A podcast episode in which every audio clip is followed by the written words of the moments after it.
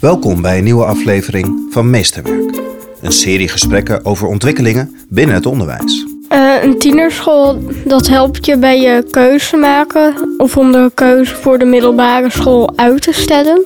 En um, ik heb nu een veel beter beeld um, wat ik later wil gaan doen en um, hoe ik mezelf kan uitdagen. In deze aflevering bezoek ik samen met Heiko van Velzen de tienerschool in Sneek. Ga dat onderwijssysteem ombouwen tot iets wat past bij leerlingen. In plaats van de leerlingen voegen naar wat past bij ons onderwijssysteem. Dus daar hebben we ons erg in verdiept. Wat heeft een tiener nodig in die leeftijdsgroep? En hoe ziet het onderwijs er dan uit? Yildo Doper en Margreet Kamman hebben drie jaar geleden in tien maanden tijd het concept tienerschool in de wereld gezet. En ouders van die voetbalmaatjes, die hadden ook alleen maar onderwijs gehad in het huidige systeem. En ach, je hebt je toch ook gered. Ja, de brugklas is niet altijd makkelijk. Dan komen en de hormonen en je moet naar nieuwe school. Maar ja, we hebben het toch ook gered. Even door, doorbijten. Pas op het moment dat je laat zien, hé, hey, het kan daadwerkelijk anders. Dan zie je mensen langzamerhand denken, hé, hey, misschien is het ook wel iets voor mijn kind. Wij zijn benieuwd waarom deze school er moest komen en wat wij van hen kunnen leren. Mijn naam is Janja Hubeek. Dit is Meesterwerk. Welkom in de podcast. Dankjewel. Ik ben uh, Jilda Doper. Ik ben uh, ooit uh, in het bedrijfsleven werkzaam geweest na een opleiding hogere hotelschool. Vanuit daar in het onderwijs terechtgekomen. Ik had altijd al zo'n drive om richting onderwijs, maar niet het onderwijs wat ik kende en wat ik gehad had. Ik denk dat klopt niet. Bijvoorbeeld nu is het gewoon, je hebt een tekstboek in een lesboek. Je haalt het uit je lesboek en je schuift het gewoon op in je tekstboek. Ik vind dat ik daar niks van leer. Die docenten hebben natuurlijk veel meer leerlingen dan op de tienerschool. Dus ik snap aan de ene kant ook wel dat ze gewoon, uh, gewoon zeggen van ja, jij of uh, bijvoorbeeld gewoon Simon, kan je even hier komen. Ze kennen meestal je naam wel, maar ze weten eigenlijk, eigenlijk nooit echt wie je bent. En want als je echt weet wie iemand is, dan weet je ook hoe diegene leert. En um, ja, dat mis ik soms wel. Mijn naam is Margreet Kamman. Ik ben onderwijsmens. 20 jaar werkzaam in het onderwijs in verschillende rollen leerkracht, als docent, als teamleider en inmiddels als trainer. Ik vind het heel belangrijk dat de ontwikkeling van kinderen gevolgd wordt en dat je daar het systeem op laat aansluiten. Wij zitten op de tienerschool in Sneek en jullie hebben een aantal jaren geleden bedacht deze school moet komen. Wat was de aanleiding dat jullie dachten er moet een nieuwe school en dat moet een tienerschool gaan worden? Het, komt, uh, het idee komt van de, de school waar onze kinderen naartoe gaan en gingen in jouw geval gingen. En mijn eh, kinderen zitten er nog. En wij werkten samen in een onderwijsgroep onderwijsaanbod. Al pratend over het onderwijsaanbod van de mooie school, vernieuwende school waar onze kinderen heen gaan, bedachten we hoe zonde is het eigenlijk dat al het mooie wat ze hier leren, al die vaardigheden, dat ze dat straks op het VO weer keihard af moeten leren. Dat vonden we doodzonde. Dus waarom is er niet mooi vernieuwend vervolgonderwijs insneken en omstreken. Ja, omstreken was er wel. Maar dat was uh, flink trainen en uh, dat is niet voor alle kinderen haalbaar en ook niet voor alle ouders betaalbaar. Dus wij dachten, waarom is dit niet gewoon in Sneek? En als het er niet is, dan zorgen wij dat het er komt. Want jullie hadden al een vernieuwend onderwijsconcept voor de basisschool. Klopt, ja. ja. Vertel. Uh, die school was die toen vijf jaar open. En die is, uh, die is gestart echt als, als vernieuwend onderwijsconcept. En die heeft zich heel erg doorontwikkeld in de tijd. Ja, onze kinderen deden het daar fantastisch op. Ze, ze leren daar vaardigheden die zo belangrijk zijn voor de rest van je leven. Samenwerken, maar ook je eigen gevoel volgen. Je, je eigen stem laten horen. Dat is wat je wil dat kinderen kunnen. Dus um, we hebben een Mission Possible opgesteld. We hebben gekeken naar wat er al is, wat er kan. Met als grote doel om die innovatieve school door te kunnen zetten. En hoe het eruit zou komen te zien, wij hadden nog geen idee. Een groep 9, een groep 10, uh, misschien onderwijs 0 tot 18. We hadden werkelijk geen idee. Uh, maar we hadden heel veel energie en ook een behoorlijke dosis lef om uh, dit te gaan starten vanuit de urgentie uh, voor onze eigen kinderen, maar ook voor de kinderen hier uit de regio. Uh, we hebben het over Friesland. Um, redelijk bescheiden, nuchter. Um, doe maar wat je doet, dan komt het wel goed. En eh, ik ben zelf werkzaam geweest, zowel in basis als voortgezet onderwijs. En ehm, steeds meer zag ik ook, potverdorie, wat laten we veel liggen. Wat laten we veel liggen, wat kinderen eh, veel meer kunnen. Waar laten we het liggen? Als je een paar dingen zou kunnen noemen die we Ehm, laten liggen in het onderwijs. Nou, ik zie eh, heel veel innovatieve kracht op basisscholen. Ehm, dus daar wordt echt heel goed gekeken wat heeft een kind nodig. Eh, Er wordt veel gedifferentieerd. Wordt echt gekeken naar de ontwikkeling van een kind en de behoeften. En eh, in het reguliere onderwijs hebben we dan die segregatie gemaakt. Jij bent een havist, jij bent een VMBO'er. En dan lijkt het wel alsof wij in ons eh, onderwijssysteem dat maar voor lief nemen. Eh, dus alles aanbieden op HAVO-niveau of alles aanbieden op VMBOT-niveau. Terwijl een kind van 11, let wel 11 jaar, dat nog helemaal niet, nog helemaal niet uitontwikkeld is. Dat gaat door. Wel tot je 24ste, tot je 80ste. Dus we laten ontzettend veel liggen. eh, en daar zit ook zeker een, een, een, een urgentie van kansengelijkheid in. Ehm, eh, waarmee wij het gevoel hadden, als wij het niet doen, wie dan wel? En dan kiezen jullie voor 10 tot 14. Uiteindelijk is dat eh, de keuze geweest.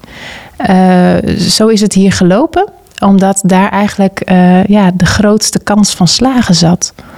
Het grootste pijnpunt zat namelijk daar, bij die overgang van basis naar voortgezet. Jouw zoon, die hebben we net gesproken. Mhm. Die, eh, die ging van groep 8 moest hij naar de middelbare school. Ja. Toen hebben jullie de keuze gemaakt met elkaar. Nou, dat kan niet.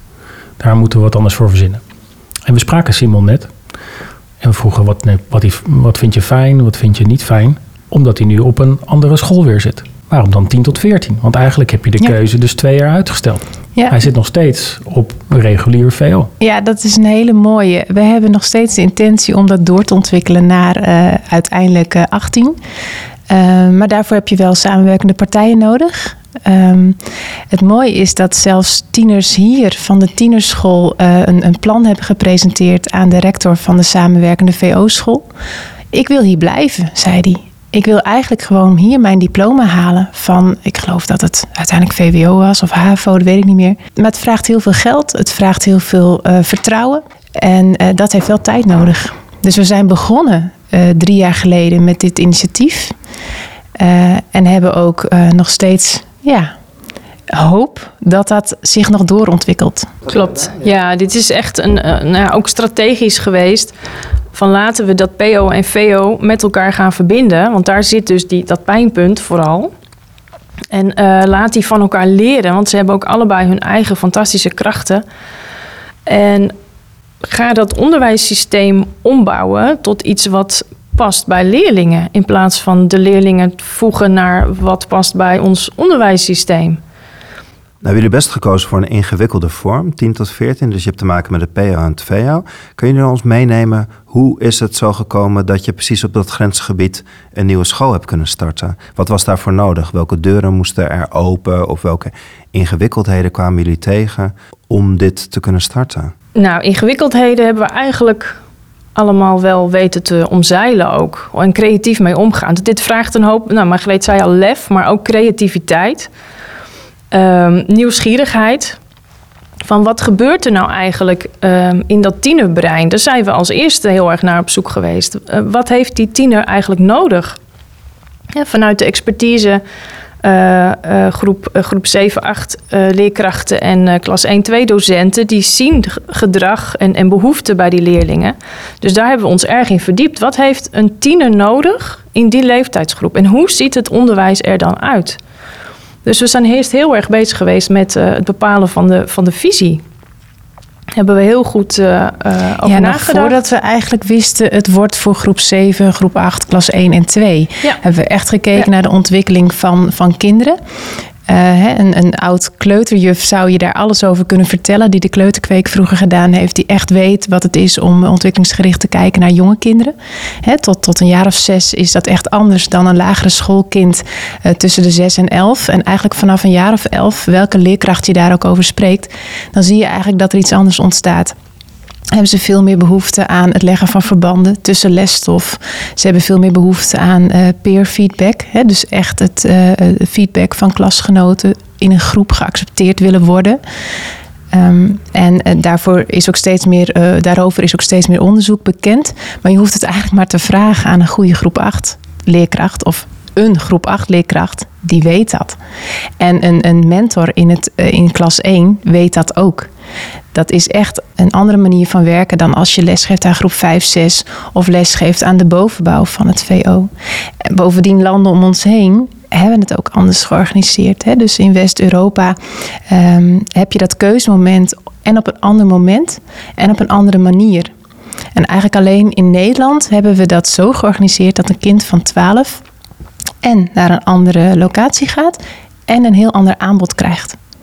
En dat hebben we onderzocht en eh, ja, daar wilden wij iets mee. Ja, kunnen jullie de visie samenvatten? Of vertellen, wat, tot welke visie zijn jullie gekomen? Uh, de visie heeft vooral te maken met het leren van elkaar. Uh, en het onderwijs zo organiseren dat dat kan. Het leren van elkaar, het leren in uh, de grote context, het leren in de echte wereld. En we hebben ook de werelden opgezet. En er wordt steeds naar een thema gekeken vanuit verschillende invalshoeken, vanuit verschillende werelden. Om zo zoveel mogelijk die, um, um, de verbindingen te leggen, wat die tieners zo nodig hebben. En wat heel erg onder het onderwijs ligt, is de steun, sturing en inspiratie. Dat zijn ook woorden van Jelle Jolles. Um, die geeft heel duidelijk aan dat is wat die tieners nodig hebben. Hoe organiseer je dan? Nou, hier op de tienerschool werken ook alleen maar coaches. Dat zijn docenten en leerkrachten die allemaal hun eigen uh, specialisme hebben. Maar dat zijn allemaal coaches voor de leerlingen. Dus dat geeft al aan wat voor rol zij hebben richting de tieners. We zijn ook heel erg bezig geweest met hoe, hoe noemen we alles. We hebben heel bewust gekozen voor tieners, niet pubers. Pubers heeft, nou ja, of leerlingen. Of, hè, dat, zo, dat, dat zijn allemaal heel bewuste keuzes geweest. Je noemt net uh, Jelle Jolles. Zijn er meer inspiratiebronnen die jullie echt tot op de dag van vandaag meedragen als fundament voor je visie? Evelien Kronen volgen we nog steeds uh, goed. Hè? Die doet ook fantastisch onderzoek nu in de coronacrisis en wat dat betekent voor het onderwijs. Um, de Fixed and the Growth Mindset. Ja. Carol Dweck. Building Learning Power, de theorie daarvan. Um, James Nottingham. Ja, de, ja we, we hebben dat niet alleen gedaan. Hè. We hebben toen een uh, ontwikkelteam uh, samengesteld. Uh, in eerste instantie hebben we gewoon zelf, zijn we gewoon verder gegaan met de samenwerkende scholen hier in, in de regio. Hè, um, van primair en voortgezet onderwijs. En uiteindelijk um, zijn we met een team van negen mensen, hebben in tien maanden deze school opgericht. Dus dat is vrij kort tijdsbestek. En dat kon omdat wij al uh, enorm veel voorwerk hadden verricht. Uh, maar dat waren mensen uit primair onderwijs, mensen uit voortgezet onderwijs, die samen eigenlijk een multidisciplinair team vormden. Er zat een communicatiemedewerker bij, een beleidsmedewerker, een basisschooldirecteur, een uh, adreskundedocent. Een heel gemeleerd gezelschap. En een ontzettend boeiend traject waarin we. Um, ja, daar kan Jill dan nog iets meer over vertellen. Waarin we steeds feedback hebben opgehaald vanuit de verschillende belanghebbenden. Uh, dus hè, na drie weken kwam er bijvoorbeeld een, een, bestuurder even meekijken van jongens, hoe gaat het? Kan ik iets voor jullie doen? En ook met name gingen we hem bevragen, wat vind jij hier nu van? We hebben gewerkt met, uh, met de Scrum-methode. We, we, we, hebben dat ontdekt als, goh, dit zou echt een manier zijn om zo'n nieuwe ontwikkeling neer te gaan zetten. Dus we hebben daar hele goede Scrum Master bij gevonden. En zo zijn we aan de slag gegaan. En uh, hoe je met Scrum werkt, is dat je samen een heel duidelijk doel uh, voor ogen hebt. Constant alles wat je doet daar ook aan toetst. En gezamenlijk kies je werk uit uh, wat je in die periode gaat uitvoeren. Bijvoorbeeld drie weken. Na drie weken ga je dat opleveren. Het hoeft niet perfect af, maar je vraagt stakeholders die heel belangrijk zijn. Dat kunnen leer, leerlingen zijn, dat kunnen ouders zijn, dat kan een, een, pedagoog zijn, dat kan wat jij op dat moment maar nodig hebt om feedback te leveren op de producten. Die nodig je uit. Je haalt daar de feedback van op en je gaat weer verder. Je kiest weer nieuw werk uit en zo. Dankzij al die mensen die een bijdrage leveren, kun je en heel snel en zorg je voor een ontzettende betrokkenheid uh, van alle mensen om zo'n ontwikkelgroep heen. Dus die hou je ook heel, heel goed bij je Dus we hebben de, de, de, de mededirecteuren, de bestuurders. We hadden allemaal korte lijntjes daarmee. Ja, er was dus niet een projectplan wat we na zoveel maanden hebben opgeleverd. Van alsjeblieft, ga het maar doen. Het was dus echt samen met, met iedereen. En een mooi voorbeeld daarvan vind ik op het moment dat we met die taal bezig waren. Welke woorden kies je dan? Dat we het ook hebben gecheckt bij de kinderen van groep 7, 8. Zou jij dit woord gebruiken? Wat vind jij daarvan? Want we twijfelden best wel over het woord tiener, weet ik nog wel. Wij zijn van het tijdperk van de Tina, namelijk. Dus toen dachten we, ja, is dat wel iets wat een kind gebruikt? Maar dat bleek heel goed te kloppen. En dit is wat jullie gedaan hebben uh, na aanloop van de school. Dus, uh, en is het nou een, een traject wat nog steeds leeft? Enorm. Ja, wij hebben destijds uh, heel veel onderzoek gedaan. Er waren een aantal tienerscholen, 10, 14 initiatieven toen in Nederland. En inmiddels ploppen ze als paddenstoelen uit de grond. Omdat die doorgaande lijn steeds meer als belangrijk wordt gezien in Nederland. En het keusmoment ook steeds vaker, uh, de urgentie wordt gevoeld om het keusmoment uit te stellen. Gelukkig maar. Um, dus wij hebben toen uh, veel scholen bevraagd van, goh, hoe doen jullie dat? Veel gebeld, veel gemaild, congressen bezorgd in de tijd dat dat nog kon. En uh, inmiddels begeleiden we zelf startende 10, 14 initiatieven. Uh, om hen op gang te helpen. Er kwamen gewoon heel veel vragen uit, uh, uit heel Nederland eigenlijk. Goh, hoe hebben jullie dat dan gedaan? In tien maanden tijd? Hoe, hoe doe je zoiets? Dus um, we hopen ook andere mensen te kunnen inspireren en te begeleiden. En dat noemen we Expeditie Tienerschool. Um, waarmee we uh, dus andere mensen ook op weg helpen. Want er kan gewoon ontzettend veel. Wat mij zo opvalt, het klinkt heel harmonieus. Toen wij net Simon spraken, die moest bij zijn uh, voetbalteam in de kleedkamer uitleggen dat hij naar een tienerschool ging. He, want daar zou je niks leren, daar zou je niks kunnen doen. Maar jullie hebben in tien maanden, iedereen doet mee. Het klinkt heel makkelijk. Ik kan me niet voorstellen dat het zo makkelijk was. Of was het wel zo makkelijk? Nieuwe dingen moet je altijd uitleggen. Want nieuwe dingen zijn spannend. En wij zaten er vanaf het begin helemaal in. Dus voor ons was het zo logisch. Het was natuurlijk ook ons idee. Maar um, als iets spannend is, neig je heel snel terug te grijpen naar wat je al kent. En ouders van die voetbalmaatjes, die hadden ook alleen maar onderwijs gehad in het huidige systeem. En ach, je hebt je toch ook gered. Ja, de brugklas is niet altijd makkelijk. Dan komen en de hormonen en je moet naar nieuwe school. Maar ja, we hebben het toch ook gered. Even door, doorbijten. Um, pas op het moment dat je laat zien, hey, het kan daadwerkelijk anders, dan zie je mensen langzamerhand denken, hey, misschien is het ook wel iets voor mijn kind. En we hebben in het ontwikkeljaar daar ook heel veel aandacht aan besteed. We hebben uh, een hoop uh, uh, gelegenheden georganiseerd, bijeenkomsten, om die tieners en hun ouders mee te nemen in, kijk, dit gaan we nou maken. Je kan nog niet naar een open dag om te bekijken, wat gebeurt er dan op zo'n school? Welke en reacties kregen jullie daar? Heel divers, van oh, fantastisch tot uh, leren ze wel genoeg. Hoe reageerden de scholen? Want je zit natuurlijk ook wel in de vijver van de groep 7, 8 van de basisschool en in de brugklas van de middelbare school. Stonden zij te juichen bij jullie initiatief? We hebben uh, een, een, ook een, in het begin een avond georganiseerd voor alle um, scholen uit de regio. Alle besturen, alle directeuren om ons plan voor te leggen voor vernieuwend voortgezet onderwijs. Dat was toen nog niet het idee van een, een 1014 initiatief.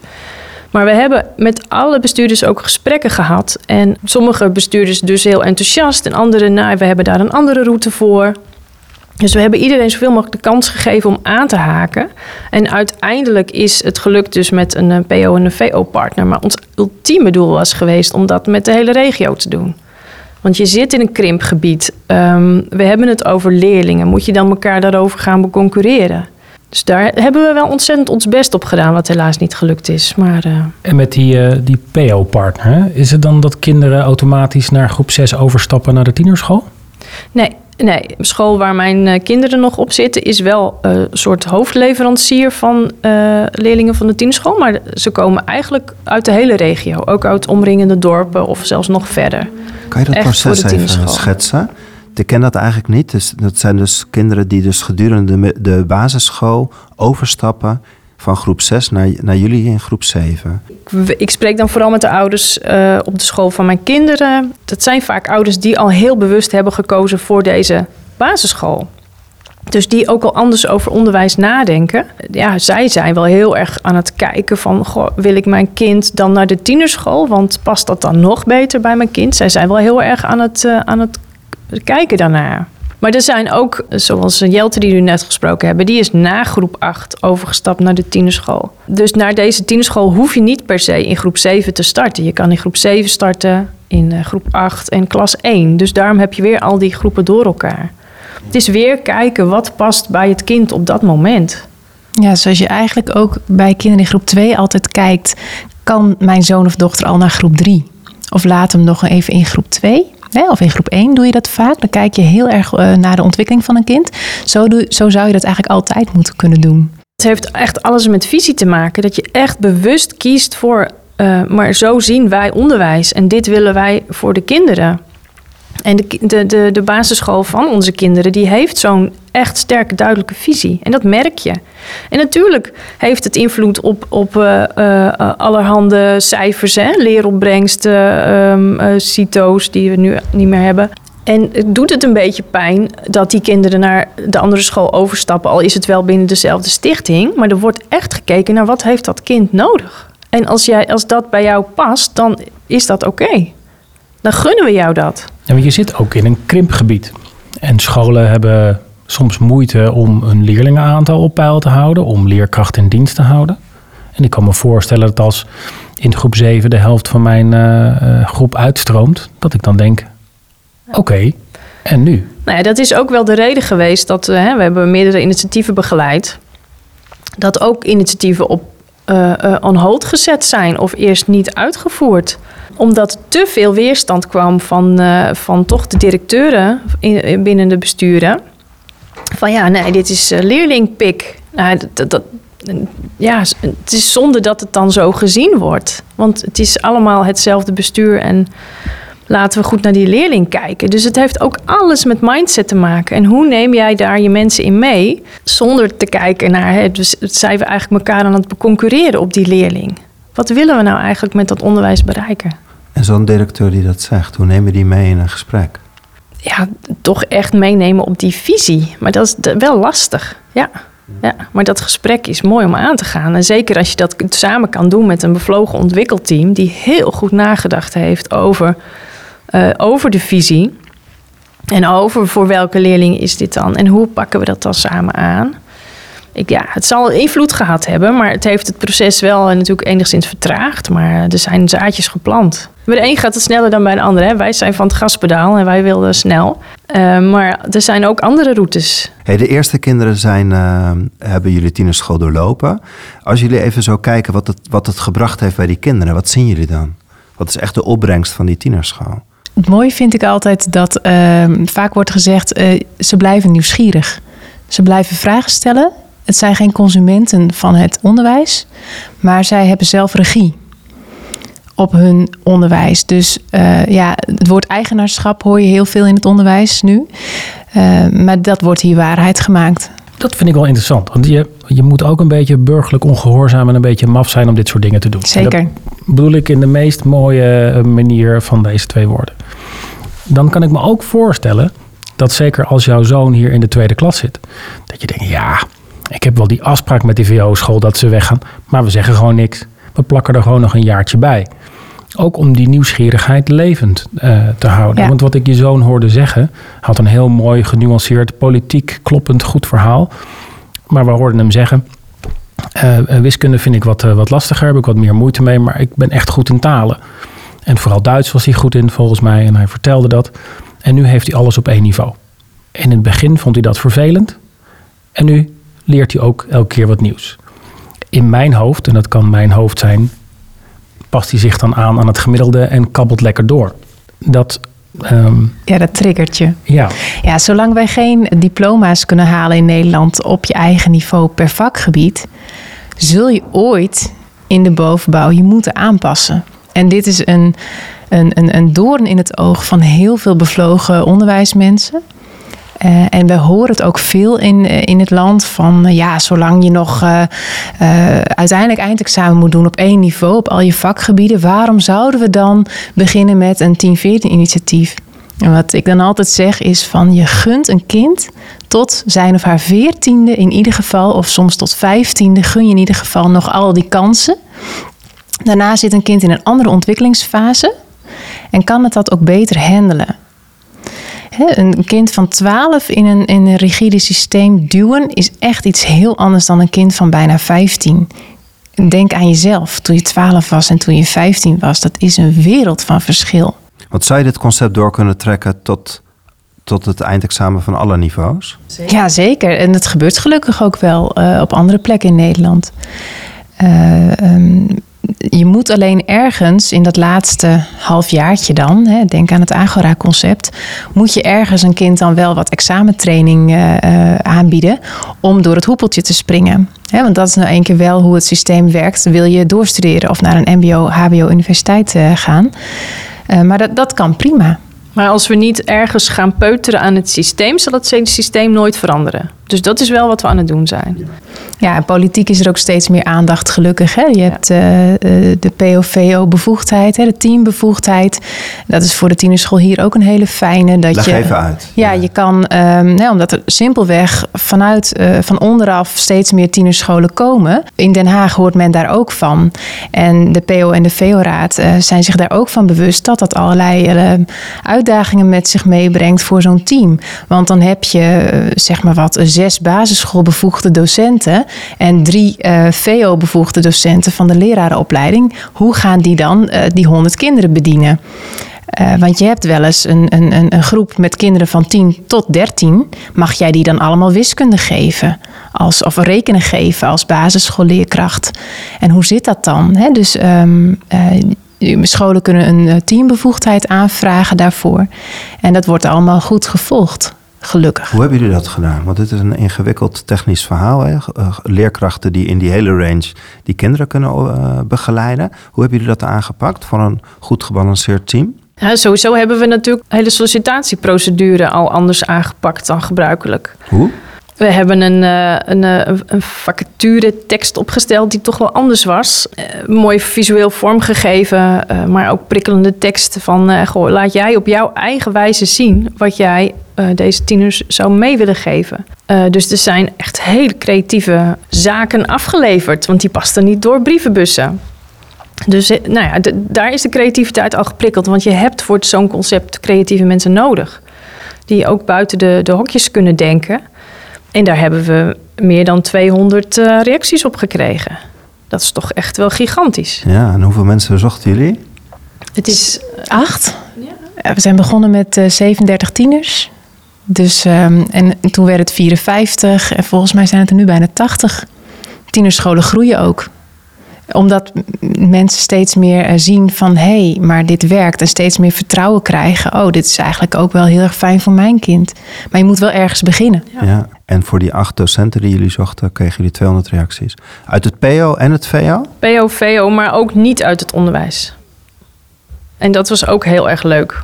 En welke keuzes hebben jullie daarin gemaakt? Ja, wij, zijn, wij, mochten niet, eh, mee, wij hebben niet mee gekozen. Wij hebben dit, eh, dit vooral gefaciliteerd in eh, nou, het opzetten van de vacaturetekst en het bedenken van een mooie assessmentdag. Want je wil natuurlijk ook in het echt ervaren hoe mensen zijn ehm, en, en wat ze kunnen en hoe ze, eh, hoe ze leerlingen zien.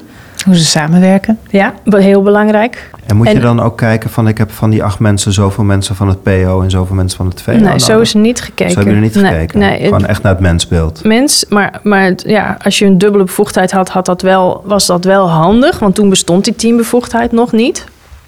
Maar er is wel echt gekeken naar eh, creativiteit. Naar eh, ja, wat, wat heb jij extra toe te voegen aan dat multidisciplinaire team. Wat je met z'n allen moet, moet zijn. Ja, en om dat ook terug te brengen naar de werelden van de tienerschool. Hè. Ze liggen hier mooi op tafel. Mensen kunnen dat ook op de website bekijken van Tienerschool Sneek. Eh, het is ook prettig om te werken met mensen die een verschillende bril eh, op kunnen zetten. Hè. Dus mensen die eh, heel communicatief onderlegd zijn. Mensen die een meer wetenschappelijke blik op zaken hebben. Dus los nog van je bevoegdheid Ja, meestal heeft een communicatief vaardig iemand natuurlijk een talenbevoegdheid, maar dat terzijde. Uh, is het ook heel fijn om mensen met verschillende interesses in zo'n team te hebben. Hè? Er wordt hier bijvoorbeeld uh, yoga gegeven, omdat iemand dat heel erg leuk vindt om te doen. Dus uh, het, het, is breder dan alleen je bevoegdheid. Kunnen jullie een, een dag omschrijven op school? Ja, wat, wat heel lekker is, misschien even, even praktisch, is dat kinderen altijd, of tieners altijd van 9 tot 3 uh, op school zijn. Um, dus uh, ongeacht of een coach uh, ziek is of even iets anders te doen heeft, je bent gewoon van 9 tot 3 hier en je bent gewoon aan het werk. Je start, start altijd in je basiscoachgroep en daar sluit je ook weer de dag mee af. Dus uh, er is geen lesuitval, er is geen onrust. Uh, het leven is al spannend genoeg als je 13 bent. Met al die uh, groeiende ledematen en hoe verhoud ik mij sociaal gezien ten opzichte van iedereen. Um, dus daar is een enorme rust. Ze krijgen vakgebieden, instructielessen. En op de tienerschool in Sneek is gekozen voor curriculum 1014. Die werkt vanuit thema's. Dus ze zijn nu net begonnen met het thema feesten, celebrations. Dus dan gaan ze kijken naar de feesten, rituelen die van waarde zijn om te vieren en het hele onderwijs is daaromheen opgebouwd. Dus zowel vanuit de leerdoelen als vanuit de instructies. Hoe is dat? Je hebt dus een school gestart en je, en je werkte zelf niet. Hoe is dat voor jullie? Dat vond ik in het begin heel moeilijk. Ja, waar zit hem dat in? Nou, uh, weet je, vier jaar geleden hadden wij een, een droom. En uh, die is realiteit geworden. Uh, ik ben zelf dubbel bevoegd. Hè? Zowel basisonderwijs, groep 7, 8, altijd lesgegeven. En daarna als docent Nederlands heb ik acht jaar lesgegeven. Dus ik, ik ken beide werelden. Ik adem onderwijs. Dan is het eigenlijk bijna je kindje. Wat je dus doorgeeft aan anderen.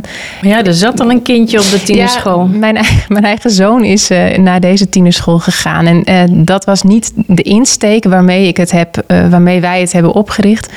Maar um, dat liep zo. Hij was eigenlijk een, een, nou ja, een cliché tiener, om het zo te zeggen. Die hier gewoon heel goed tot ontwikkeling zou kunnen komen. Uh, een bijna prototype, zeg maar. Toen heb, ben ik hier vervolgens niet gaan werken. Heb ik echt de keuze gemaakt. Ja, dus het zou nu zeker kunnen. Maar ik doe inmiddels zulke leuke andere dingen. Met Expeditie Tienerschool en als trainer van Curriculum 1014. Dus ik kom op al die tienerscholen in heel Nederland. Die ik verder begeleid met hun inhoud, hun visie en hun proces.